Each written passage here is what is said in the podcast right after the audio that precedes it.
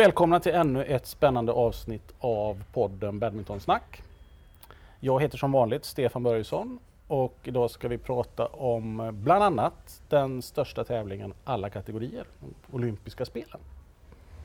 Eh, gäster idag är nyss hemkomna från junior-EM i Finland, Cecilia Cissi Wang och Erik Durell. Välkomna! Tack så mycket! Efter era prestationer förra veckan så borde väl de flesta badmintonintresserade veta vilka ni är, men ni kan väl berätta lite kort vem ni är? Vi kan börja med dig Cissi, du är ju äldst, av er två i alla fall. Eh, ja, jag heter Cecilia. Jag är 18 år, uppvuxen i Uppsala i hela mitt liv och ja gud, hur länge har jag spelat badminton? Eh, ja, sen jag var åtta kanske, lite till och från. Och ja, det var en kort presentation av mig. Ja, det är du. Ja, trevligt. Edith? Ja, jag heter Edith Urell och jag är 17 år gammal. Eh, Jag kom också härifrån Uppsala och har bott här hela mitt liv. Eh, Spelat för Fyrisfjädern tills eh, förra säsongen. Nu spelar jag för Påvelund i Göteborg men jag bor kvar här i Uppsala och tränar här. Ehm, Ja, jag har spelat badminton i typ åtta år och ja, det är det bästa jag vet.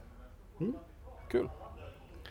Vi måste ju börja med junior-EM. Det är ju otroligt kul att prata om just idag. Cissi, det blev kvartsfinal för din del i damdubbel tillsammans med Ja. Jessica Silvernoinen. Vad, vad hade du för förväntningar inför, inför EM? Ja, när vi såg lottningen så var väl huvudmålet var väl ändå att komma till kvart. Sen Mm. visste vi att de där ryssarna var väldigt stabila. De tappade inte ett set på typ hela tävlingen. Så vi visste ju att det skulle bli en tuff uppgift. Men eh, ja, alltså poäng, om man kollar på poäng, jag skulle inte säga att de liksom säger hur matchen faktiskt slog ut. För det var ju, vi hade ju flera bollar som var över typ 70 slag och sånt och det är ändå ganska mycket för vår, vår Mm. ålder. Men alltså överlag är jag ändå ganska nöjd över resultatet. Det, det är ju en otrolig prestation tycker jag. Hur var, hur var stämningen i själva laget? Det var ju kanske lite otur med lottningen i lagtävlingen kan man väl, om man ska uttrycka sig milt. Men det var ju många fina prestationer utöver era prestationer i den individuella tävlingen. Hur var liksom lagstämningen? Det var, det var jättebra. Vi hade ju som sagt först lagspel där i, i Finland eh, och då mötte vi Portugal, Tjeckien och Ryssland i poolen. Eh, och det var väl innan så tänkte vi att vi skulle försöka vinna mot både Tjeckien och, eh, och Portugal. Ehm, men vi visste att Ryssland, jag vet inte om de var andra sidan i lagturneringen kanske, och vi vet att de är ett jättestarkt lag. Och så vann vi mot både Tjeckien och Portugal men vi torskade mot Ryssland. Men det gjorde ändå att vi kom vidare. Ehm, men då sen så, av de åtta lagen som kom vidare så lottades alla mot varandra. Och då fick vi då oturen att hamna mot eh, just Danmark i kvartsfinalen. Som sedan vann alltså hela lagturneringen. Men trots det så tror jag ändå att det var väldigt bra stämning i laget under hela, under hela lagspelet. Och att det ändå gick så pass bra för oss tror jag gjorde att alla som spelade individuella turneringen kom in med alltså en bra inställning och Mm. alla var taggade på att spela individuella sen. Ja, Erik, två, två silvermedaljer. En i singel och en i mixdubbel tillsammans med Gustav Björklöv som är lite lokalkonkurrent till dig eftersom han spelar i Västra Frölunda och du Ja. spelar i Påvelund. Eh, vad kan man säga? Fantastiskt. Hur, hur kändes det? Hur känner man när man kliver in i de första seten, första matcherna? Känner man i kroppen och huvudet att det här kommer att gå bra? Alltså det är, det är väldigt svårt, särskilt under sådana här långa turneringar. Vi var ju där i två veckor totalt, spelade kanske i tio dagar. Så det är ju, i individuella turneringen, första matcherna känns ofta ganska nervösa tycker jag. Man vet inte riktigt vad man, alltså exakt vilken nivå man ligger på just då. Eh, och så, men ganska fort så känner man ju om man kommer bra in i hallen och man kommer, ja, man kommer in i spelet på ett bra sätt. Och jag hade ganska bra lottning i början av turneringen. Så jag fick ganska flera stabila vinster i början. Vilket Okej. gjorde att jag fick en väldigt bra känsla i kroppen. Och, ja. Nej, otroligt bra prestationer av er båda två och stort tack för underhållningen för oss som satt och, satt och tittade på, på det här via Badminton Europe. Ja, tack så mycket. Båda två deltar ju i SOKs, eh, ja, Svenska Olympiska Kommitténs program Talang 2022. Kan ni Mm. berätta lite grann för lyssnarna, vad, vad handlar det om? Ja, det är väl, det är typ som ett vad ska man förklara? Ett stödprogram. Ja, ett stödprogram för att komma in i ett satsningsprogram för OS 2024 och 28 Okej. tror jag.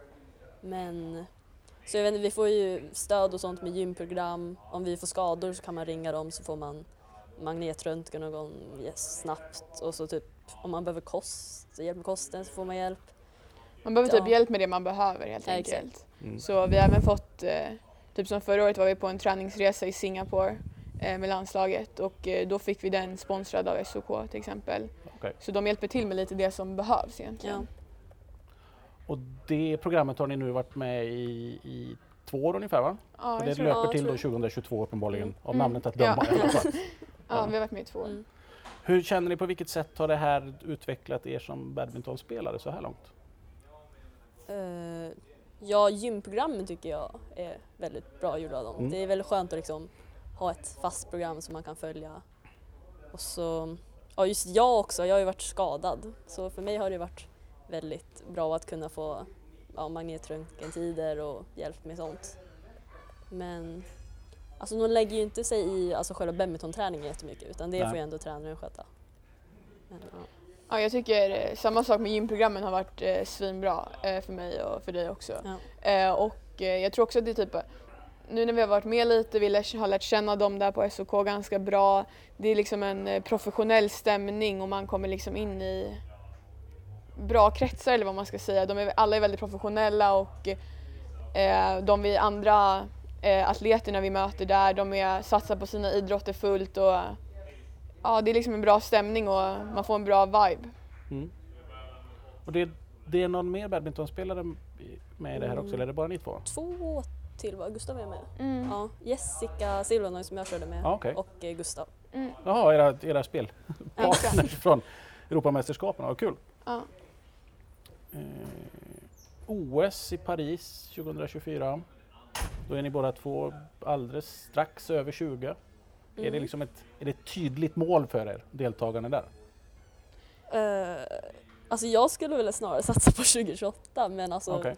jag ju inget emot att vara med 2024 heller. Nej. Så det är ju liksom Ja, jag siktar väl kanske lite längre, lite ung är jag fortfarande. Ja men det är väl självklart ett mål. Alltså om man eh, kan få, nu beror ju allting på hur det utvecklar sig med corona och så, men om vi kan få mycket tävlingar nu under de kommande åren och vi kan avancera på rankingen så tror jag att vi båda har eh, goda chanser till att kunna komma och vara med då.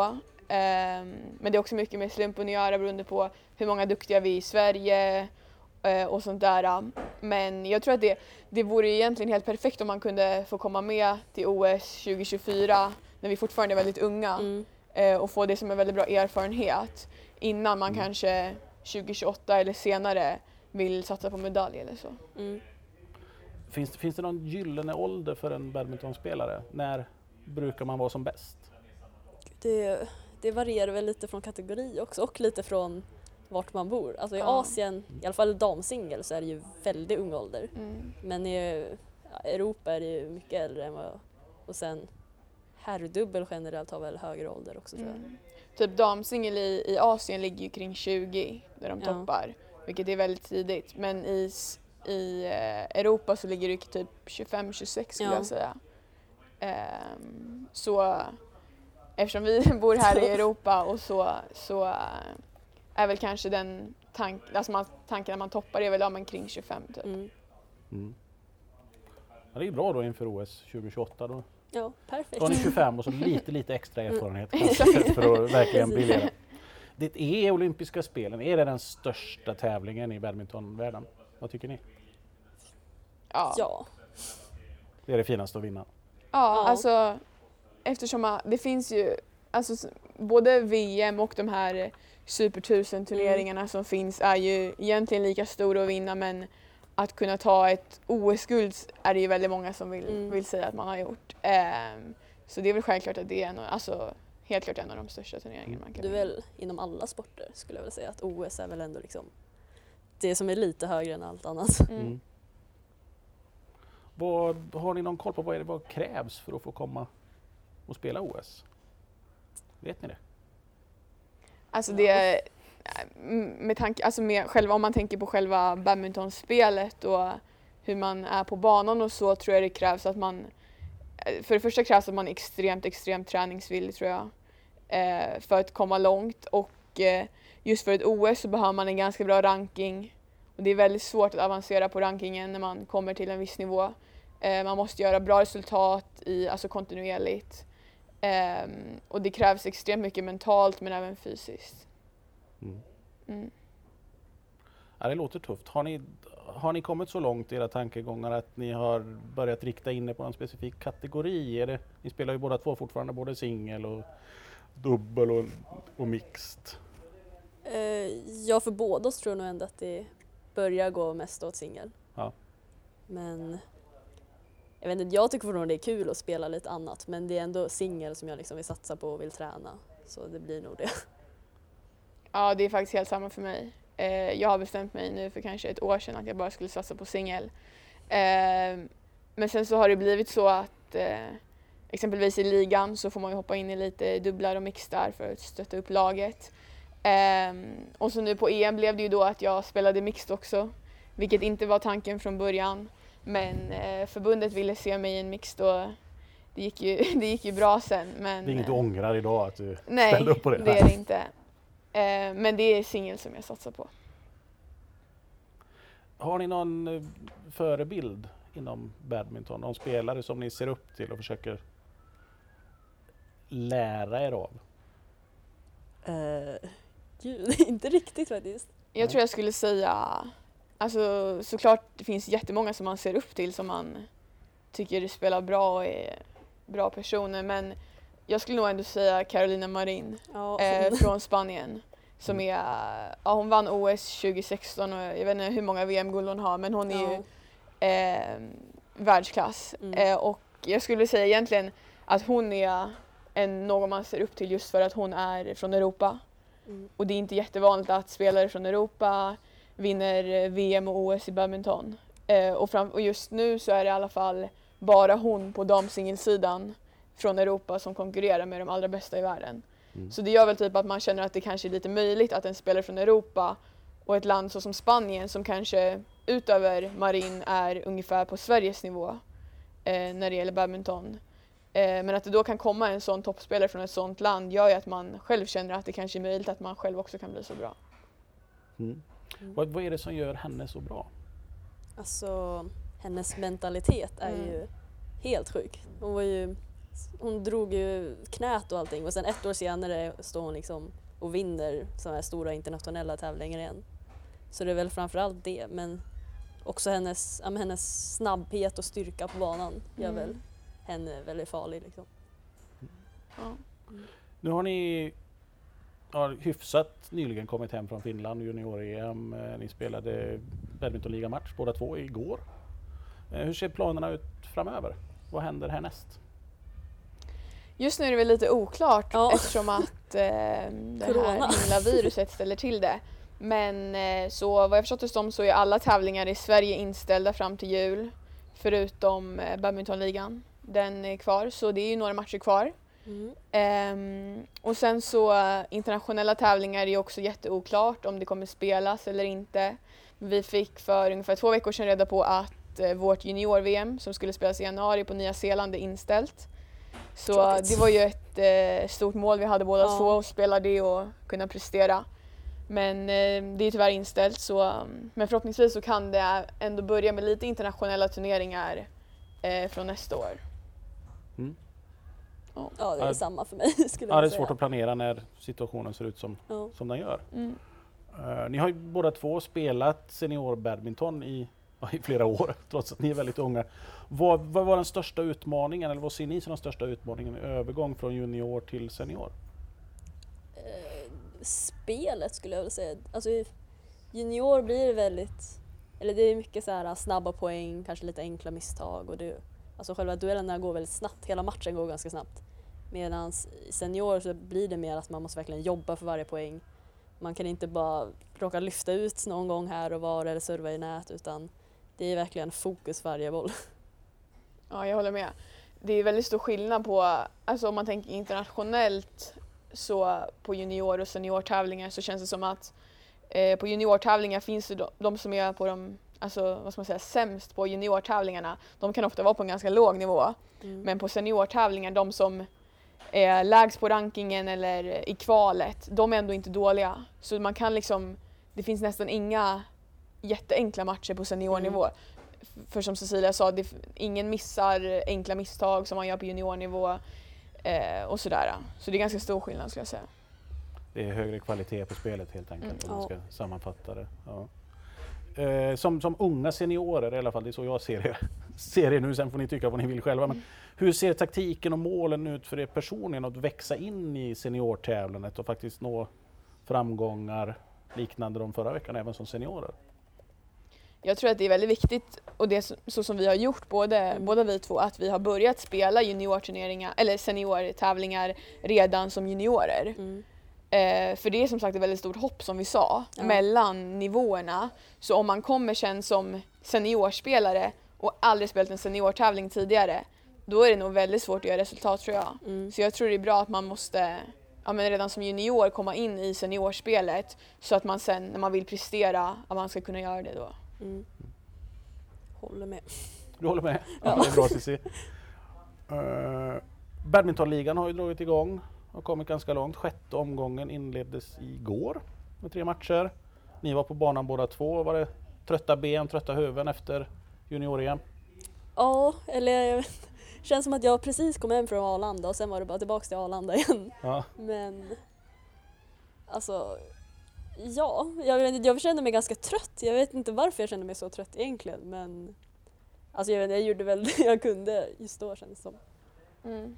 Eh, Jag tror vi båda är ganska slitna från, vi har ändå varit där i, i Finland i, i två veckor och eh, eh, på grund av allt med corona så var vi som isolerade på ett, ett em, center eller vad man ska säga. Så vi var med, sam, vi fick bara träffa samma människor, vi fick bara gå samma sträckor varje dag, spela i samma hall, äta på samma ställe. Så jag tror vi var mentalt ganska trötta och så har vi bara varit hemma i typ två, tre dagar nu. Mm. Eh, och såklart är kroppen trött också. Men det var ändå kul att spela i år. Vart lite äta, sova, träna Mm. på repeat i två veckor. Ja. Ja, jag förstår det. Anette, hur känns det rent allmänt att komma hem till vardagen i badmintonligan efter ett stort internationellt mästerskap? Ni har pratat om det, men hur laddar man om fysiskt och mentalt? Vilket är svårast? Alltså, Jag skulle nästan säga att det är svårare mentalt att ladda om. Ja. Eh, vi, vi är vana att träna väldigt mycket badminton och fys, så vi är vana att vara trötta i kroppen eller vad Mm. man ska säga. Men eh, det kändes lite konstigt liksom att spela en, ja, men en match i badmintonligan efter att ha varit på EM och spelat eh, ja, men mycket matcher där. Det är, särskilt nu i ligan när det inte är någon publik, det var liksom, kändes som att man, Mm. jag vet inte, det kändes bara så väldigt annorlunda. Jag var till 11 också. Ja, Men nästan Eh. så jag glömde det alltså. Precis. Och sen så är det många som förväntar sig mycket av en när man kommer hem. Om man gör ett bra resultat, man känner lite press kanske. Så eh, det kan vara svårt tycker jag. Och då spelar ni ändå, ni spelar två matcher båda två igår va? Ja. Ja, nej, man ska inte, göra- ska inte göra det lätt för sig utan, om man inte behöver. Eh, ni har ju båda två, Edith du var inne på, ni har båda två bytt klubb inför den här säsongen. I en individuell sport som badminton, hur stor roll spelar egentligen klubben som man spelar för eller företräder? Alltså, jag vet inte, det känns som att just i Sverige har det blivit en väldigt stor grej att byta klubb. Om man typ Ja. jämför med folk som jag känner från typ Tyskland och Holland, där är liksom, de byter typ klubb varje säsong känns det som. Medan i Sverige blir det som en väldigt stor grej när man byter klubb. Okej. Men ja. Alltså det, det, är ju, det spelar ju såklart roll eh, vilken klubb man spelar i för ens utveckling, även om det är en individuell sport. Men jag tror att till exempel som båda oss två, vi tränar inte i våra klubbar just nu utan vi tränar här på Eurocenter i Uppsala eh, bland annat. Ehm, men jag tror att det viktigaste är att man känner att man är bekväm i den klubben man är i och att man inte ska behöva tänka på så mycket saker, att man inte ska känna sig orolig över vad, vad alltså man ska känna sig bekväm i den klubb man är i så att man kan fokusera på att träna. Mm. Eh, så på så sätt tror jag att det är viktigt vilken klubb man spelar i. Eh, och sen så även så är det ju kul om man har tränare som man tycker är bra i klubben som kan coacha en på matcherna och så. Hur, hur känns det? Ni har ju, du var inne på det lite grann att det kanske är vanligare utomlands. Man tycker Mm. inte att det är en så stor sak att byta klubb och jag håller med. Det, det, det, vi tycker det här i Mm. Sverige och badmintonvärlden, eller den svenska badmintonvärlden, framförallt på elitnivå, är ganska liten. Det går ju rykten fram och tillbaka och så vidare. Men hur, ni som har varit i Fyrisfjärden så länge, alltså ni började spela, hur känns det att byta klubb? Liksom, spontant, ni har ju inte varit så länge i era nya klubbar. Men... Ja. Alltså, jag, vet inte, jag tyckte det var väldigt kul att ja, träffa lite nytt folk, lite Ja. ny miljö. Så det är väl ändå, alltså själva miljöombytet var väl ändå väldigt kul tycker jag. Sen ja, det känns väl kanske lite annorlunda att byta från en stor klubb som Fyris till en lite mindre som Halmstad men alltså inte jättestor skillnad skulle jag säga. Nej. Nej, jag tror också att det, det känns såklart konstigt eftersom vi har, eller ja, alltså både vi har ju alltså levt i den här klubben i många Ja. år liksom eh, och spelat jättemycket matcher för Fjädern och allt sånt där. Eh, så det känns såklart lite, lite konstigt att inte spela för Fyrisvärden längre eh, eftersom att vi också kommer hit till hallen varje dag och träffar folk som vi som är med i klubben och sånt där.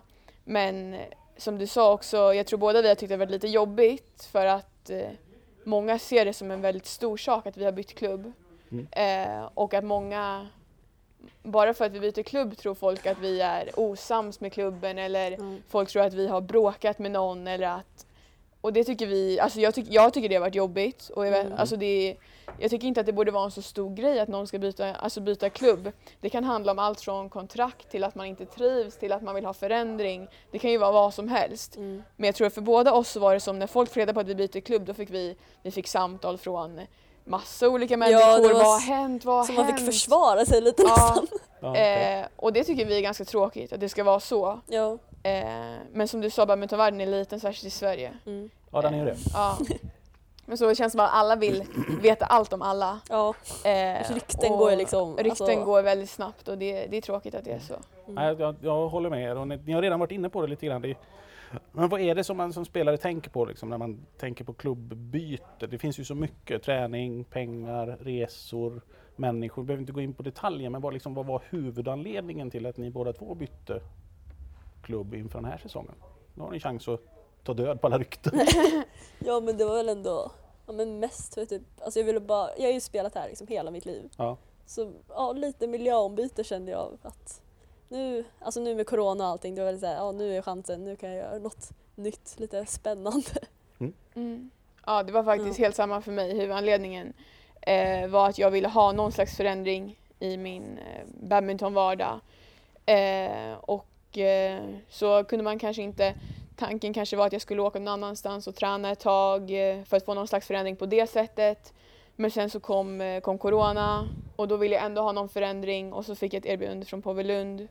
Eh, så det, det är väl alltså huvudanledningen till att vi båda har bytt klubb Ja. egentligen, för att vi ville ha lite förändring. Ja, det- är ju kul för ni har, ni har ju spelat en hel del i era nya klubbar. Du Erik har Mm. spelat lite mer än vad, Ja. vad du har gjort. Men, eh, och det har gått bra, ni har vunnit i SPL båda två. Så att någonting, någonting är bra. Någonting har ni Ja. gjort Ja. det går inte att komma ifrån. Ja, jag tycker att det, det, som har, alltså det som jag tycker har varit positivt i mitt klubbyte har varit att jag som sagt har fått spela så mycket. Eh, nu vet jag att svenskarna i Fyrisvärden har fått spela mycket den här säsongen också. Mm. Eh, men tidigare när båda vi har spelat här så har vi, vi har båda fått spela i ligan men det vi har spelat mycket mindre än vad vi har gjort nu. Mm. Eh, och det är ju ganska viktigt för oss att få spela i ligan. Eh, efter, just eftersom att det är väldigt hög nivå på svenska ligan, de här, har varit det de senaste åren, Mm. så får man väldigt bra matcher. Mm. Eh, så på det sättet har eh, klubbytet varit väldigt bra för mig. Jag, jag måste fråga dig också Edith. Jag kommer ju nere från den västra delen av landet och har dessutom föräldrar som bor alldeles utanför Påvelund. Finns det någon, är det någon lite in, lokal konkurrens mellan Västra Frölunda och Påvelund? För jag menar Påvelund är ju ändå ett bostadsområde inom Västra Frölunda om man säger så.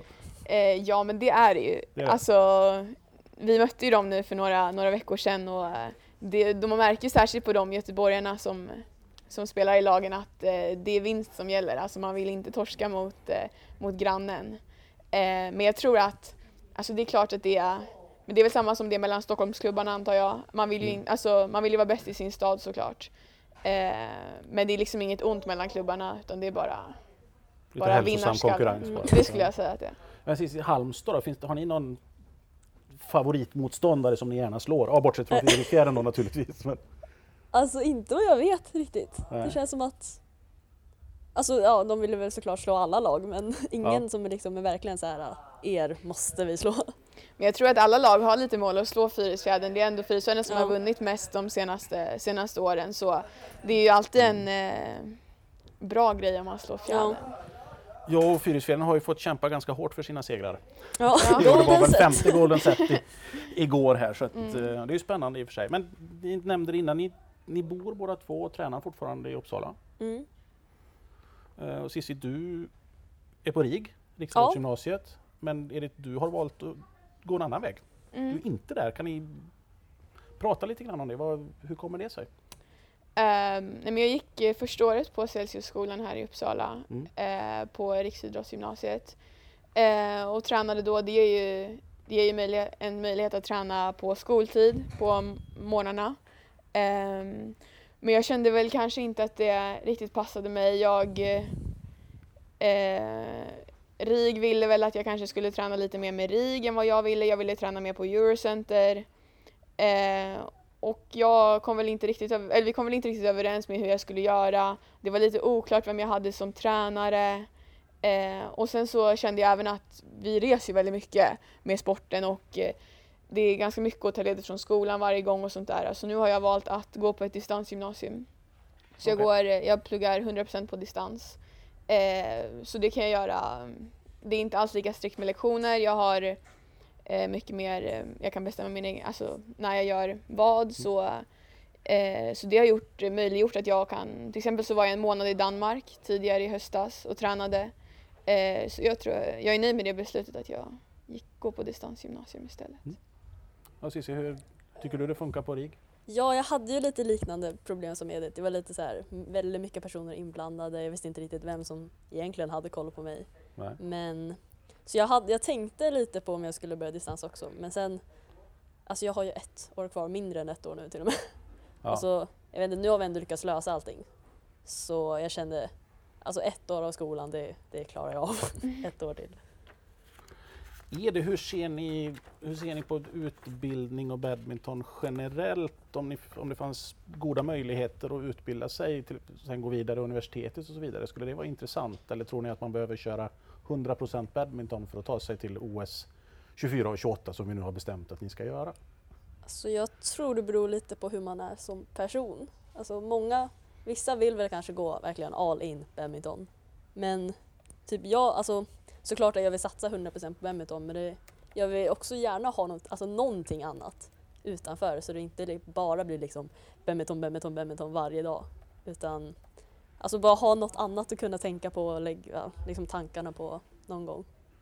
Så Ja. jag vet inte, någonting vill jag väl gärna plugga men alltså absolut inte fulltid.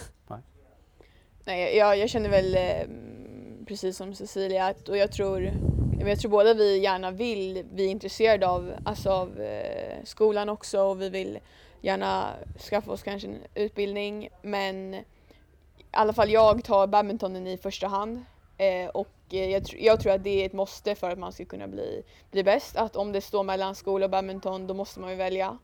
Eh, och det kan ju kanske förstöra i skolan på vissa fronter men jag tror båda vi har lyckats väldigt bra med det. Ja. Att kunna kombinera det.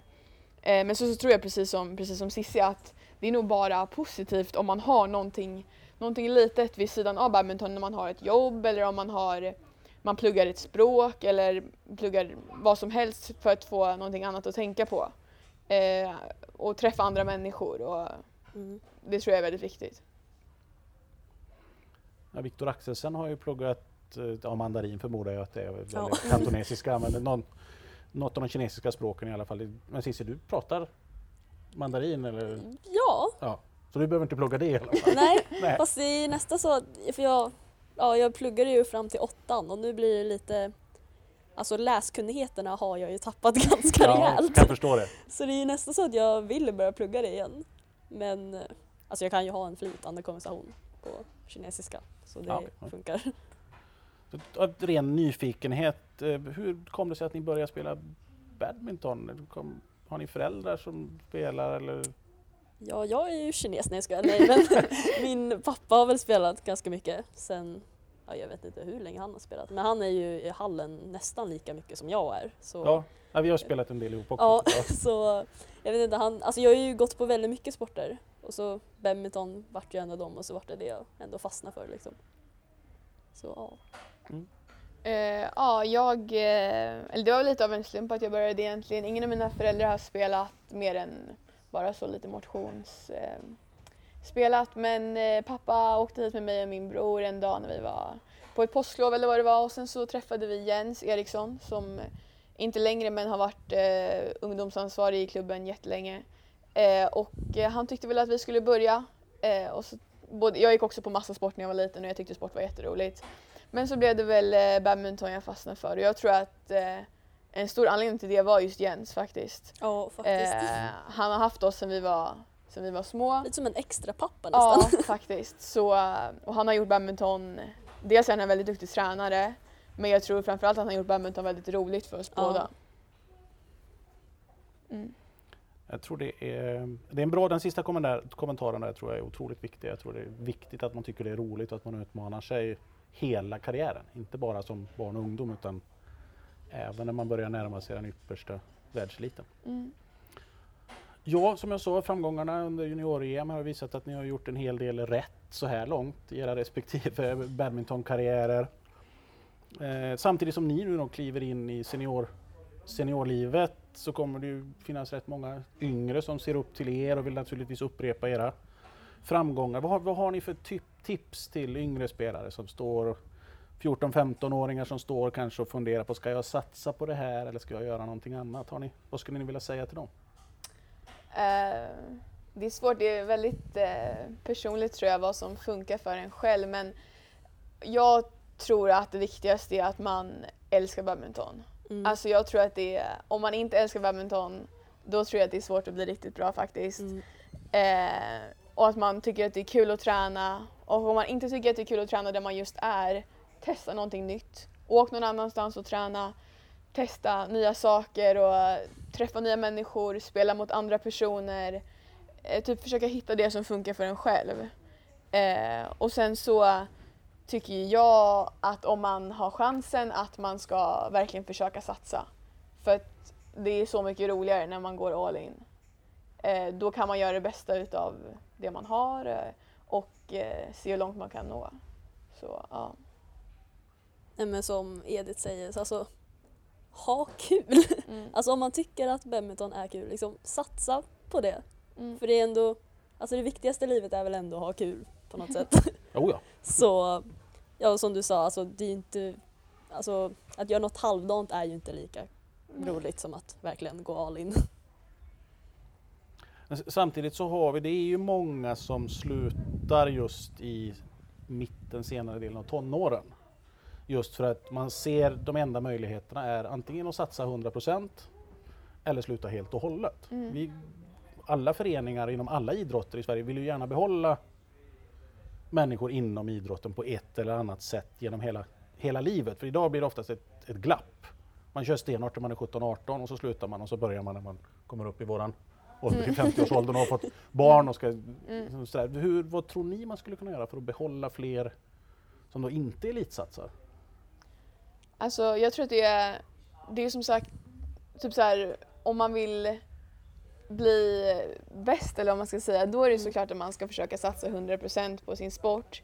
Men jag tror att som ni sa så är det ju väldigt viktigt för klubbarna och hela badminton-Sverige att man har kvar de här spelarna som kanske bara vill spela för att de tycker att det är kul eller men även de spelarna som inte är beredda att satsa 100% men ändå är väldigt duktiga.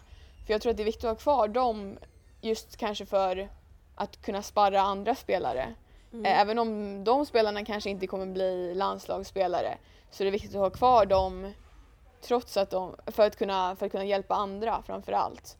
Och jag tror att, eh, men det tycker jag ändå att det finns ju ändå bra sätt så som till exempel eh, NIU, att man kan gå eh, gymnasiet kombinerat Mm. med badminton eh, så att man inte behöver välja helt. Eh, men det är också, det är svårt, jag vet inte. Ja, det beror väl mycket på vad, alltså det är ju väldigt många som när de slutar att de verkligen bara helt slutar. Mm. Det känns som att, alltså jag vet inte om jag skulle sluta någonsin så känns det som att jag skulle, ändå, jag skulle ju aldrig kunna lämna det helt. Alltså jag skulle ändå komma ner typ tre gånger i veckan minst och vilja köra. Men jag vet inte, alltså de flesta klubbar har ju liksom klubbträningar som gör så att många får liksom chansen att Mm. komma Mm. ner. Så det känns som att de, många har ändå möjligheterna. Ja, men det är också så svårt för att många vill ju då kanske, om man slutar när man är, går ut gymnasiet till exempel, det tror jag är ganska vanligt, Mm. att eh, då känner man kanske att man vill att man vill börja plugga eller börja jobba eller någonting och att det tar eh, all tid från, eh, från badmintonen. Mm. Ehm, och sen så kan det nog också vara så tror jag att vissa som kanske har gått badmintongymnasium och sen slutar känner att det liksom och som kanske inte har varit jättetaggade på badminton i slutet av gymnasietiden har känt att det blivit som ett typ tvång att spela bara för att man går, för det är ju skoltid man spelar på och man får ju, om man inte kommer så får man ju frånvaro och då blir, alltså så. Eh, och det kan nog, det är en bra, jättebra möjlighet med badmintongymnasierna men det kan också göra att folk känner att det blir som ett mer, istället för att det är ett fritidsintresse så blir det som ett Mm. tvång att åka till hallen och spela badminton. Vilket är tråkigt. Ja. Vi har ju, om vi går tillbaks till lite vad vi har pratat om tidigare, vi har ju en hel del danskar och, och folk från andra länder också, men framförallt många danskar som spelar i badmintonligan. Det finns väl en och annan svensk som spelar i Danmark. Eh, jag vet Felix Burestedt, din lagkamrat, han har något debacle där att han får inte spela i Ja, badmintonligan eller hur det nu var. Han spelar ju i den tyska ligan och Just de har ju någon regel att man, tror man får bara spela i två max. Mm. Så han spelar ju redan än i Danmark. Ja, och så så han spelar i Danmark och Tyskland. Ja, men och så fick han inte spela i På svenska. pappret någonstans så tillhör han Halmstad. Ja. Så ja. eh, är det något ni har funderat på att spela i Danmark eller Tyskland eller någon annan liga i Europa? Ja, ja. Det skulle jag säga. Alltså jag eh, har tänkt mycket på att kanske i kommande säsonger spela i den danska ligan. Eh, de har extremt hög klass men att kanske få spela i division 1 eller division 2 eh, i danslag tror jag kan vara väldigt bra. Eh, dels för att det är väldigt bra matcher eh, men också mm, att man eh, lär känna nya människor.